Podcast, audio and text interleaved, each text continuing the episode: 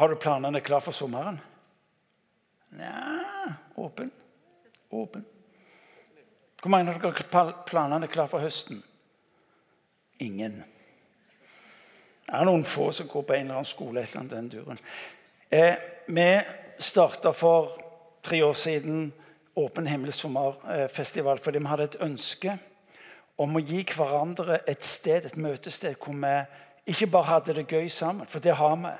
Opplevelsen av familie. Folk som kommer inn, som kommer utenfra sier det, det er en opplevelse av familie som er spesiell. Eh, og nettopp det å kunne få lov til å dele med andre det vi opplever i dette huset, har vært viktig for oss.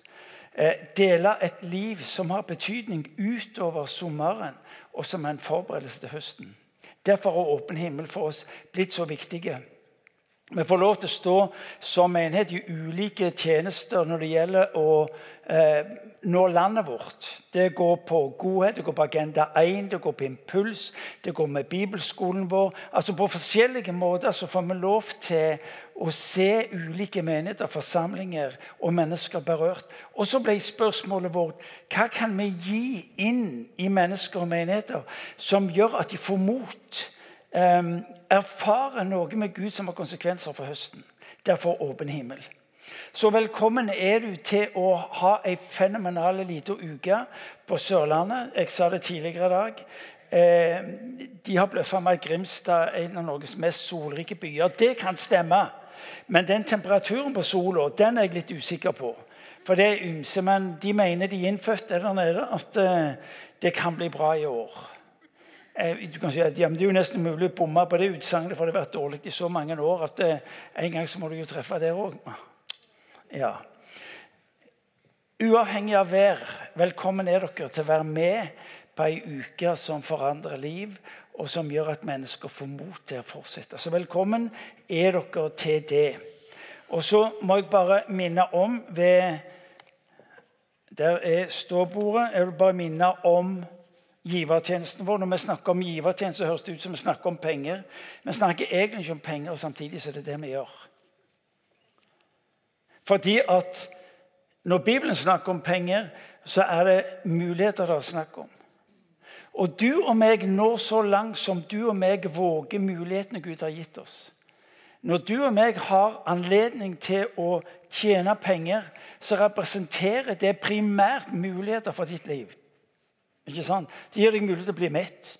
Det gir deg mulighet til å kunne kle Det gir deg mulighet til å kunne investere i ting. Og Det er derfor vi snakker om eh, å skulle bli glade givere. Vi er ikke primært opptatt med å få dine penger til dette huset.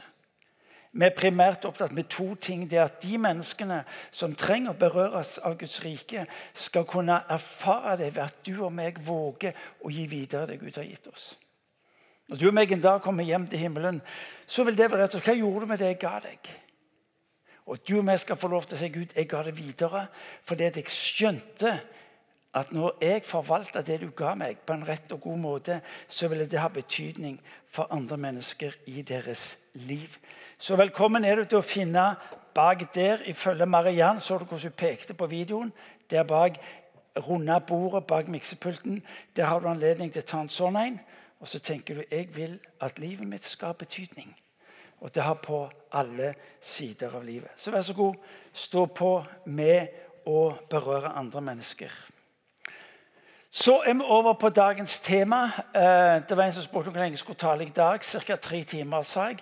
Det blir ikke fullt så lenge. Men temaet er av en sånn karakter at jeg burde holde på minst i tre timer.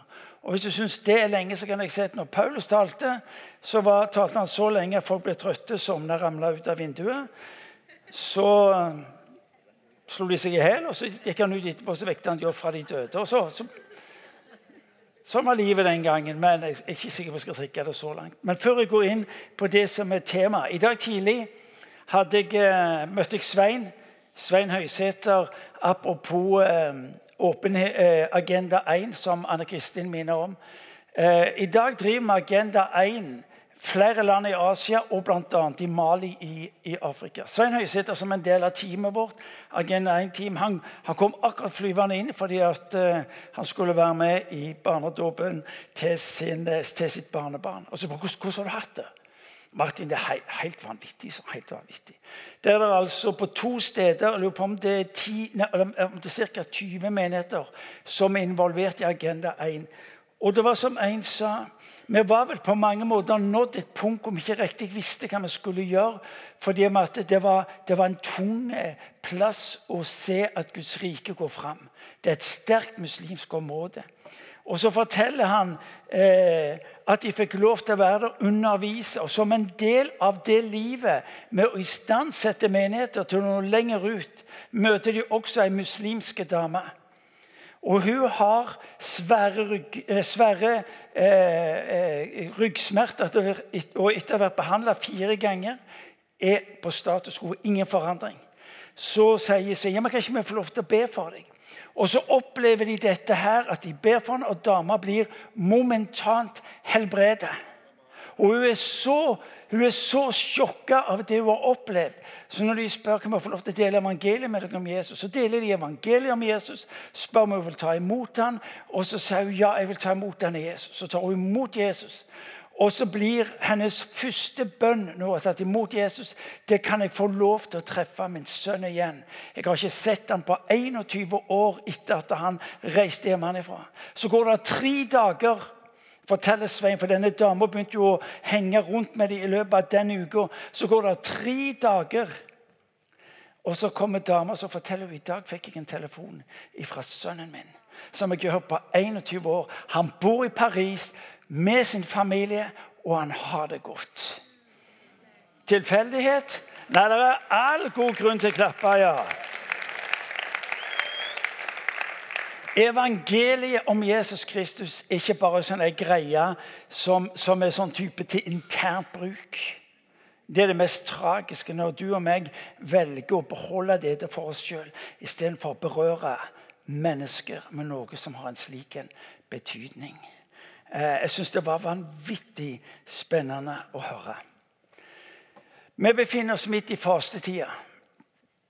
Fastetida har vært en del av kirkens tradisjon gjennom generasjoner. Det er en tid hvor vi på en spesiell måte skal altså fylle med Jesus gå med han, Vær en del av hans vandring gjennom det vi leser, måten vi opptrer på, bl.a. faste, fordi vi ønsker å se hva, hva er det Jesus gjør, og så ønsker vi å se det fornya i våre liv. Hva er det som egentlig skjer når vi hører om at Jesus Kristus dør på korset? Hva er det egentlig som skjer? Og du og meg trenger igjen og igjen bli utfordra på dette, dette underlige og bemerkelsesverdige. At en, en, verden velger på et vis å stoppe opp av et fokus på denne personen fra Palestina, Jesus Kristus. Hva er det egentlig som skjer? Og i en sum så er påsken så er kristendommen, kristentroen, at Gud har valgt å stege ned for å ta menneskets plass. I en sum så er det det hele kristendommen går ut på. En Gud den allmektige har valgt å stige ned for å ta menneskets plass. Amen. Du, leser i 2. Mosebok kapittel, eh, kapittel 3 om en Gud som sier 'Jeg har hørt skriket, jeg har hørt ropene fra mitt folk', 'og jeg har valgt å stige ned'. Få tak i dette, fordi det er så, så vesentlig at du og vi skal få lov til å kjenne hvor vi skal legge vekta på livet. Gud har valgt å stige ned fordi han så tilstanden i denne verden. Derfor har han steget ned. Dette var ikke en invitasjon fra folket, men det er Guds respons, reaksjon, på å se en verden forgå.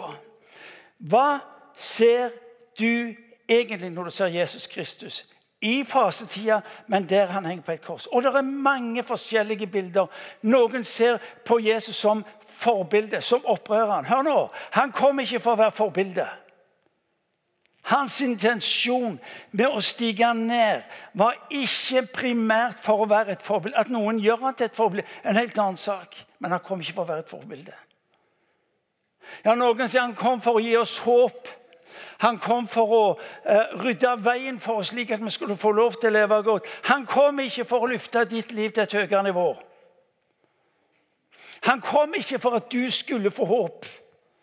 Han kom ikke primært for at du skulle leve et bedre liv i denne verden. Vi vil gjerne gjøre han til en sånn en som reklamene ville omfavne med stor begeistring. Kjøp dette, og livet ditt blir bedre. Eller religiøst. Tro på Jesus, og livet ditt blir bedre. Han kom ikke primært for å gjøre ditt liv bedre. Han kom ikke primært for å gi deg det gode livet. Korset er et sted for oppgjør. Når, eh, når Johannes når han ser Jesus Kristus, du leser om dette i Johannes evangeliet, kapittel 1, vers 29, så sier han Se der Guds lam som bærer verdens synd. Derfor kom han. Og Hvis ikke du og meg får tak i det der, så blir Jesus en type middel som vi bruker for å oppnå et eller annet. Når Jesus har steget ned, så er det for å gjøre noe med de synd. Du har en ubetalt regning på livet ditt som du ikke går klar av. Og Vi leser i Guds ord at han har sett den. Derfor stiger han ned. Og Hvis du og meg gjør Kristus til noe annet enn det som er hans programerklæring om sitt eget liv, vet du hva? så blir han et middel du bruker for å oppnå visse ting. Enten det er i samfunnet, eller det er i livet, eller i en eller annen sånn type religiøs sfære. Korset er et sted for oppgjør. På den ene siden er korset et sted hvor du henretter folk. Men i Guds perspektiv så lyder det så sterkt at på det korset er det en regning som betales. Det snakkes om skyldbrevet i, uh, i Nytestamentet. Om Gud som betaler regningen din. Som betaler noe du sjøl ikke var i stand til å gjøre opp. Denne verden prøver å løse sine problemer på ulike måter. Men når Jesus trer inn i denne verden, så trer han inn fordi han har et hovedfokus. Det gjør noe med det som du og meg utfordres på i livet. Og så skal vi lese en av de sterkeste tekstene i, eh, i Bibelen, som beskriver eh, hvem denne Kristus er, og hva han handler med inn i denne verden. Det var ikke en Gud som sendte en bruksanvisning. Det var ikke en Gud som steg ned med velmente råd om hva vi skulle gjøre. Det står 'Jeg har hørt, og jeg har steget ned' for at du skal vite at jeg kom sjøl for å ta din plass. Så når vi nå leser sammen Jeg tror vi skal gjøre det fra eh, den gamle boka. Det er profeten Jesajas vi leser om. Profeten Jesajas får i et perspektiv et bilde av denne Kristus slik han fremstår. Han skulle ha betydning historisk sett også i datiden. Men han skulle også der framme få lov til å representere det budskapet som allmaktens Gud hadde for en verden som ikke kom til rette med seg sjøl. Og la oss nå lese dette. La oss reise oss når vi leser Guds ord på denne måten. Og så sier vi det ut. Hvem trodde budskapet vi fikk? Hvem ble Herrens arm åpenbart for? Han skjøt opp som en spire for hans ansikt, som et rotskudd av tørr jord. Han hadde ingen herlig skikkelse vi kunne se på, ikke et utseende vi kunne glede oss over. Han var foraktet, forlatt av mennesker, en mann av smerte, kjent med sykdom, en de skjuler ansiktet for. Han var foraktet. Vi regnet ham ikke for noe. Sannelig, våre sykdommer tok han, våre smerter bar han. Vi tenkte han er rammet, slått av Gud og plaget. Men han ble såret for våre lovbrudd, knust for våre synder. Straffen lå på ham. Vi fikk fred. Ved hans sår ble vi helbredet. Vi gikk oss alle vill som sauer. Hver tok sin egen vei. Men skylden som vi alle hadde, lot Herren ramme ham. Vær så god, sitt. Det er sterke bilder som tegnes opp for ham. Vi leser han hadde ingen herlig skikkelse vi kunne se på. Dette er beskrivelse av Jesus Kristus. Når du og meg tenker på de bildene som vi har sett rundt forbi i kirker og bedehus, og hvor det måtte være henne, så er det denne, dette vakre bildet. Så er det dette som er innbydende. Så er det dette som kommer forsøker å gi en beskrivelse om denne Jesus. her. Denne teksten forteller han hadde et utseende som folk vendte ryggen ifra. De kunne ikke tåle å se ham.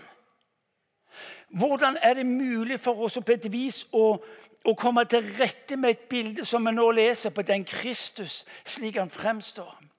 Fordi at Når profeten tegner bildet av hvem han ser, så er det slik Kristus fremstår når han representerer deg og meg. Når Kristus dør på korset, så er det ditt ansikt vi ser. Når du og meg ser et bilde av denne Kristus slik det presenteres her, så er det bildet av menneskeheten slik den fremstår.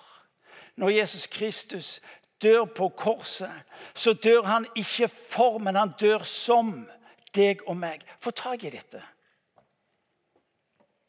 Du og meg har i vår forståelse at han, han, han tok mitt, min plass. Ja, det gjorde han. Men, men Guds ord tar det lenger. Da står 'Han som ble gjort til synd for våre synder'. Det betyr at han, han hadde ikke et avstandsforhold som sa 'OK, det er greit, jeg skal ta det for dere'. Men budskapet Han ble gjort til synd. Han ble som deg. Og dette var det mest uhyggelige. Selve døden var for Kristus eh, ikke mer enn det enhver martyr gjennomgår. Men det å bli gjort til synd, dvs. Si å ta menneskehetens synd på seg og bli gjort til synd, det var det som gjorde at han vrei seg i smerte så Gud, denne kalken. Må jeg ta denne kalken? Døden var han ikke redd for. Men det å skulle bli gjort til ett med synden, det var det som tok han. Og så måtte han drikke denne kalken. Han hadde et utseende han hadde et utseende som gjorde folk vendte seg fra. Hvorfor? Fordi de fikk øye på det heslige, det motbydelige, det som var synden i alt sitt vesen. Vi leser i eh, vi Johannes evangeliet kapittel 3 om, eh, om eh, denne kloke mannen, denne skriftlærde som kom til Jesus. Og så tar Jesus og forteller han om Israels folkets historie. En historie hvor folket var i ørkenen, hvor Gud holdt sin hånd over dem. Og så begynte de å klage, og så var det Guds straffedom som kom inn i leiren i form av slanger. Og så, sier, så roper folket om nåde, og så sier Gud til dem lag en kobberslange. Og Så henger de opp denne slangen på en stag, og så er budskapet Se, den som ser på slangen, skal bli helbrede og skal få livet tilbake. Hvorfor i all verden en slange?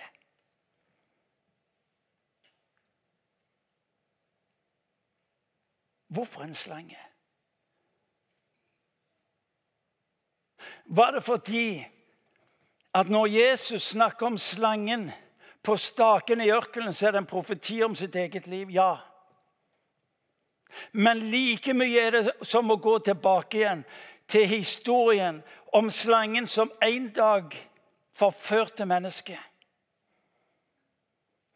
Og han som litt senere henger på korset, har altså et forbilde i slangen. Og så blir spørsmålet hvorfor en slange? Jo, fordi fra Guds ståsted var han som hang på korset, han så ut som en slange.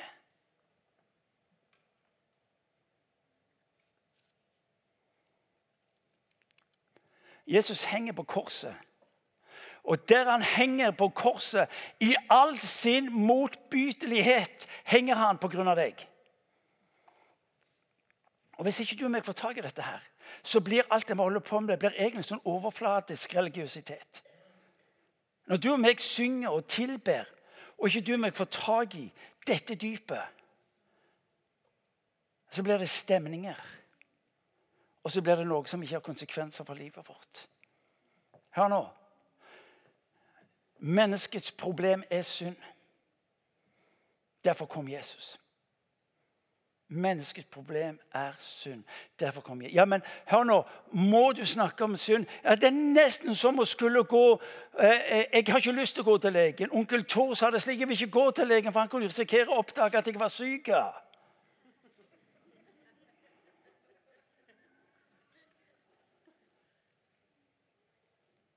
En god venn av meg han sitt, satt i dag med Gud helbreder han. En god venn av meg gikk til legen, og legen fulgte ikke med. Og Så viste det seg at han hadde en, en, eh, en dødelig sykdom. Men takk Gud så ble han helbredet litt lenger på veien og i dag frisk. Når Bibelen taler om synd, så er det ikke fordi at Gud ønsker å holde noen nede, men han ønsker å ta deg inn i sin helbredende inn i sitt helbredende fellesskap for nettopp der å helbrede deg for syndens konsekvenser. Når, Jesus, når du og vi følger Jesus gjennom fastetida, så går vi med sammen med en som har steget ned, og som tar alt det som er av menneskets synd på seg, for at mennesket skulle få lov til å gå fri. Hvorfor synd? Jo, fordi det utfordrer deg og meg kontinuerlig. Noen mennesker ønsker å ja, ja, men Gud er jo kjærlighet, sier de. Det er klart Han han dømmer ikke mennesker til fortapelsen. Det er klart han gjør ikke det. Mennesket velger fortapelsen. Det er ikke Gud som dømmer, men det er mennesket som velger fortapelse med å si nei til Jesus. Ikke gi Guds skyld for noe mennesker selv har valgt.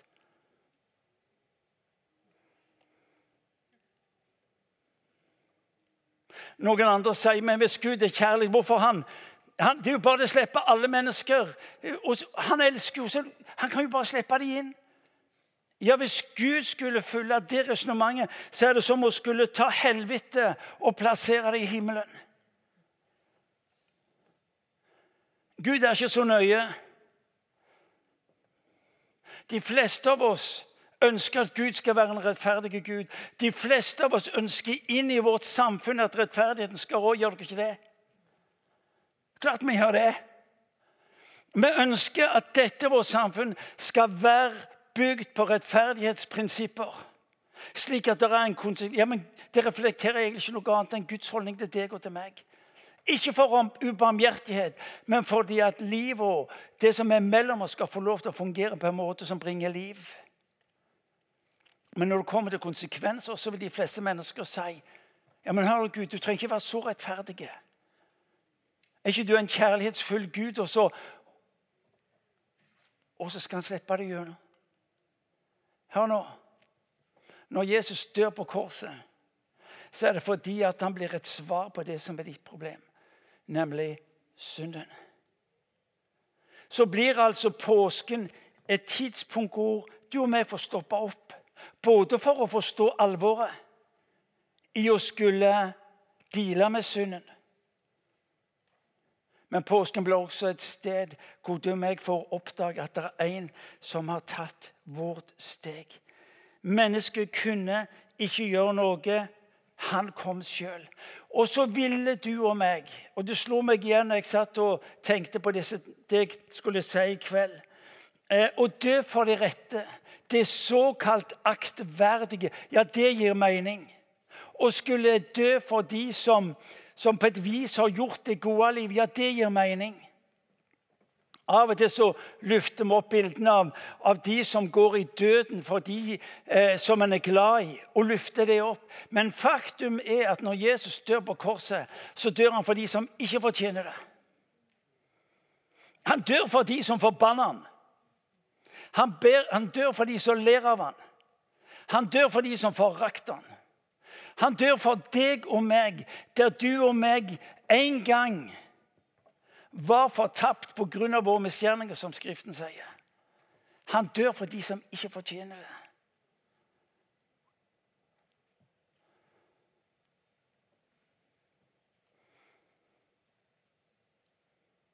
Dette er noe av det mest umulige for meg å få tak i. Det at han sier han vender ikke ryggen. Han vender ikke deg og meg ryggen. Jeg har sagt det mange ganger før. Jeg har vært med på det meste når det gjelder som kristen. Det eneste jeg ikke har fått vært med på, det er mennesker blir vakt opp fra de døde. Men det håper jeg på en dag. ja. Men vet du hva som har det sterkeste inntrykk på meg? Det at han ikke har vendt meg ryggen.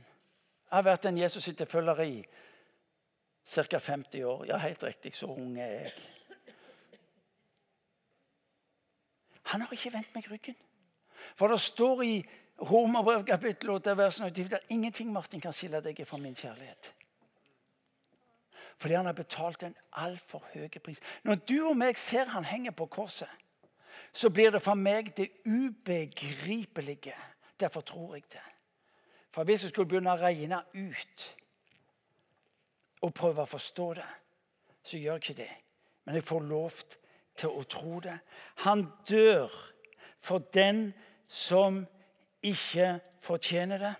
Og så har du disse to bildene, symbolene, som det står at han bar. På den ene siden står det at han bar våre sykdommer, på den andre siden står det at han ble knust av våre synd. Vet du hva? Han bar de synd. Han ble synd for at du ikke skulle bære han. Han bar de synd. Hør nå. Han bar de synd fordi at du skulle slippe å bære han. Og hvis du er så dum at du driver på enten å leve i synd eller gjemme synd, så skal du vite da har du konsekvensene på det for ditt eget liv. Det er det han sier. La meg få ta tak i de synd, la meg få lov til å bære han, og du skal vite at du går klar hvis du velger å deale med synd for, eget, for, ditt, for, din egen skyld, ja, så må du ta konsekvensene sjøl. Det er det han sier. Han sier 'jeg bar' fordi at du skulle slippe å bære. Om du er her inne som ikke tror på Jesus Kristus, så har ikke tatt i synd. La meg få ta han. La meg få lov til å bære han vekk. La meg få lov til å la det få konsekvenser i ditt liv. Og der mennesker sier nei, må de sjøl ta konsekvensen av det. Han bar for at du ikke skulle bære. Han bar for at du skulle vite Vet du hva? Jeg trenger ikke frykte. Han bar fordi at du og meg skulle vite at uansett hvordan livet vårt er, og hvordan vi ikke får det til, eller hvordan vi får det til, så sier han at 'jeg bar det'. Jeg bar det. Men ikke reduser det han gjorde når han henger på korset for deg, det blir noe du dealer med litt sånn åpent og litt sånn skjult. Ikke gjør det. Han har betalt en altfor høy pris for at du skal gå klar av hans ubegripelige nåde inn i ditt liv. Men det står ikke at han bare bar vår synd. Det står han også bar våre sykdommer. Sykdom var det, det er jo selve symbolet på det som fratar mennesket det livet det var kalt å leve. Jeg sier ikke at sykdom er noe som er selvpåført i sin ytterste. Det er ikke det jeg sier. Jeg sier bare sykdommen står som symbol på det som frarøver oss det gode livet Gud har for oss. Og i den hånd, om du vil, er det ikke bare sykdom. Men det er konsekvensen av våre valg. Det er umulige livssituasjoner. Det er de konflikter vi opplever. Det er de ulike tingene som fratar oss det gode livet vi var kalt til å leve så står det han bar det. Det betyr at du og vi skal få lov til å vite han har tatt det. Når du opplever nederlag i ditt liv, skal du vite han har tatt det. Når du er i en vanskelig livssituasjon eller i, relasjon med andre mennesker, skal du være, han har tatt det. Og så skal du få lov til å stille deg opp foran Jesus. Vil du hjelpe meg til å se hva det betyr inni mitt liv? Om dere forstår meg? Han har sagt 'Jeg bar' for at du skal slippe å bære. Og så er det noe der som sier at hvis ikke han får bære det, så bærer du det sjøl. Ja, det vil være helt meningsløst, vil du og meg si. Ja, det er meningsløst. Spesielt når han har sagt 'la meg få bære det'. Når han sier til deg og meg at dersom du bekjenner dine synder, ja, så er de tilgitt. Og hans rettferdighet vil rense.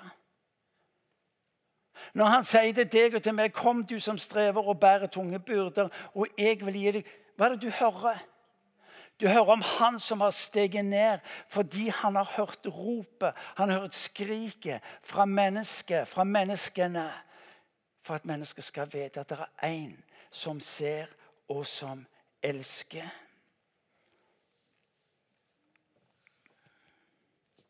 Gud har steget ned.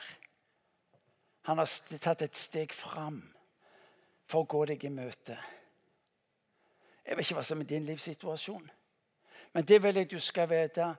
Den Jesus som vi tror på, og som ønsker å følge, det er en som har tatt et steg imot deg.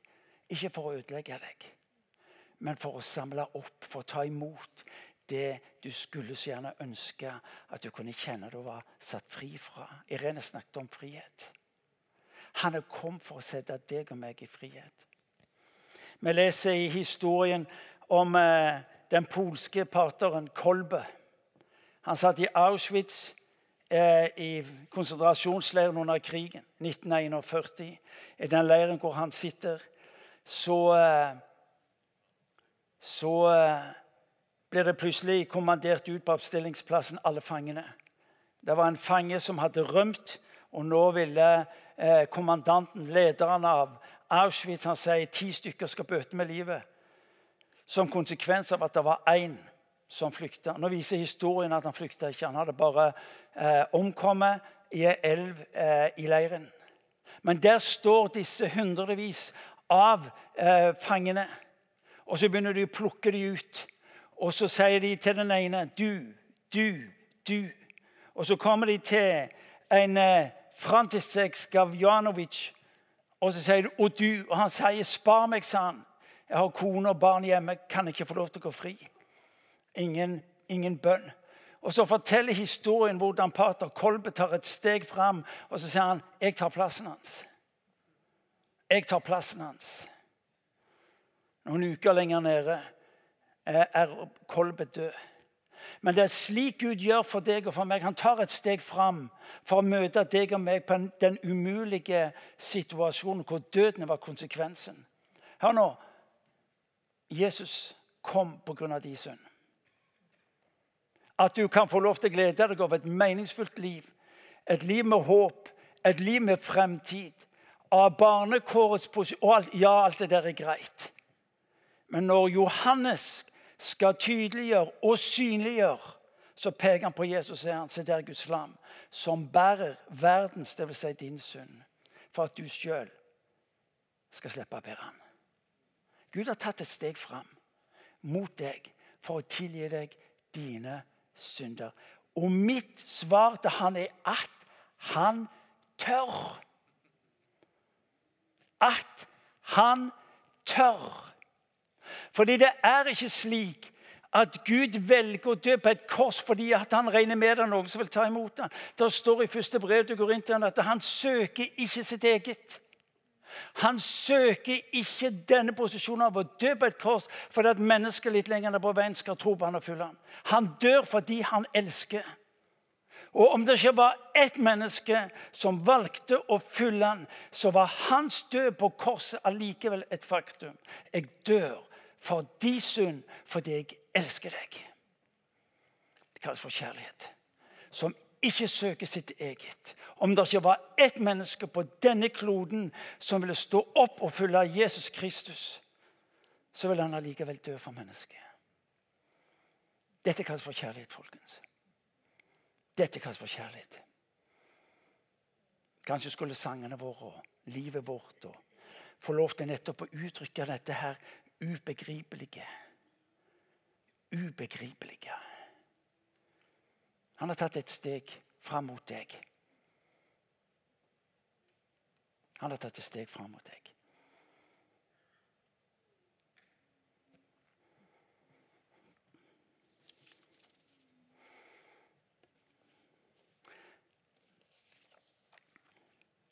Jeg skal slutte av.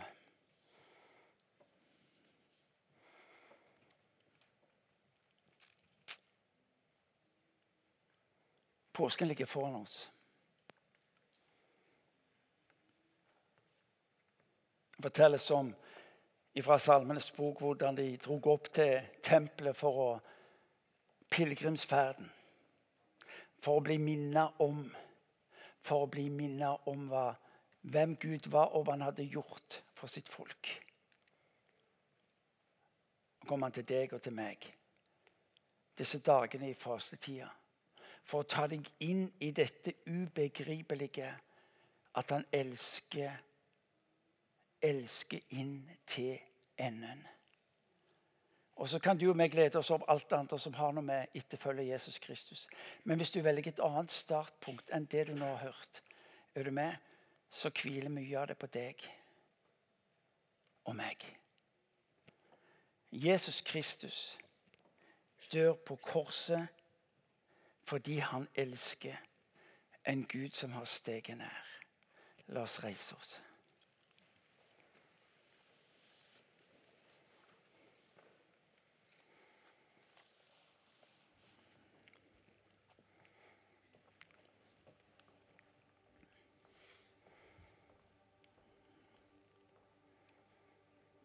Kan du tenke deg noe mer meningsløst enn å holde tilbake fra Han? Det han inviterer deg til å legge av seg din synd. Kan du tenke deg noe mer meningsløst?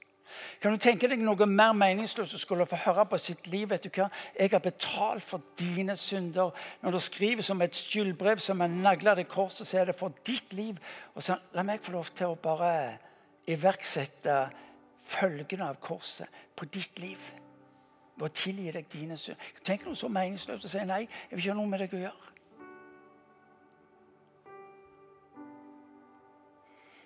Min enkle tese at flesteparten av det norske folk ville gjerne tro på Jesus.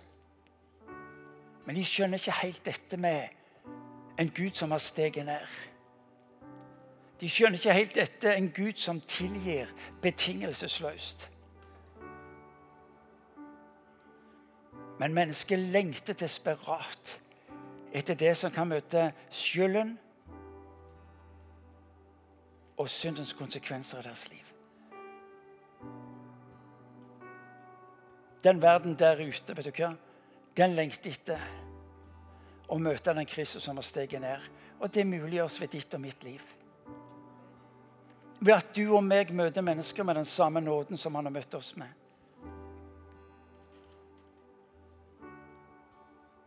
Han ble knust for våre synder, står det. Han bar de, bar de vekk, sier Skriften, for at du skal slippe å bære de. Og på den andre sida Han bar våre sykdom. Han bar det som frarøver oss livet, det gode livet, det livet vi var kalt til å leve. Og Så skal du også der få lov til å vite at du kan komme til Han, bekjenne, legge det over på Han og bare vite at det du legger over på han, det tar han ansvaret for. Og så vil han fullføre sin gjerning i ditt og mitt liv. Kjære Herre Jesus Kristus. Takk fordi du er mellom oss som den som har steget ned. Herre, du kjenner oss. Herre, du var ikke redd for å deale med synda i våre liv. Du bar den, sa du. Du ble knust under vekten av den. Jesus Kristus, du var ikke redd ved å synliggjøre det som var menneskets største problem. Som ikke var fattigdommen, som ikke var rasemotsetninger. Som ikke var alt det vi prøver å hekte på livet som det problematiske utfordrende.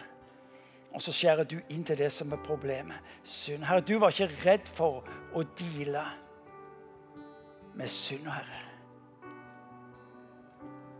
Far, jeg ber for oss som er her. Gi oss mot til å komme til deg med våre synder. Gi oss mot til å fortsette å komme til deg når livene våre opplever nettopp nederlagene i synd. Og så ber jeg far om at du skal la oss også få se at du er nådig Gud som møter oss, Herre Jesus. Du som bar våre sykdommer. Du som bar våre konflikter. Du som bar alt det som var av nederlag. Herre Jesus Kristus, vi takker deg. Og jeg ber nå for oss her vi står, at vi skal få lov til å være et folk som nettopp erfarer friheten ved at vi lar deg få lov til å ta synd og ta nederlagene og sykdom og hva det måtte være, i dine hender. Hellige Ånd, jeg ber du skal berøre den enkelte av oss her vi står i dag. Kom du, Hellige Ånd. Overbevis oss om jeg skal slippe å bære det du har båret. Herre Jesus Kristus, vi takker deg fordi du vil overbevise oss om at vi skal erfare at du setter oss fri fra syndens makt. Nå, Jesus, ber vi.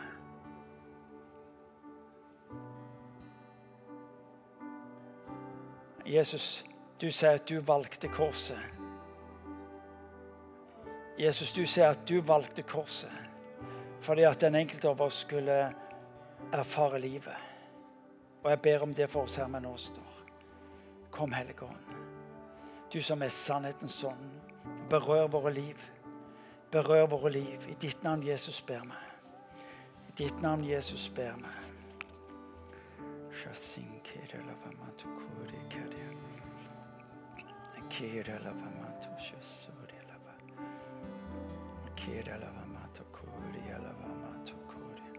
Kom, Hellige Ånd, til den enkelte av oss her vi står.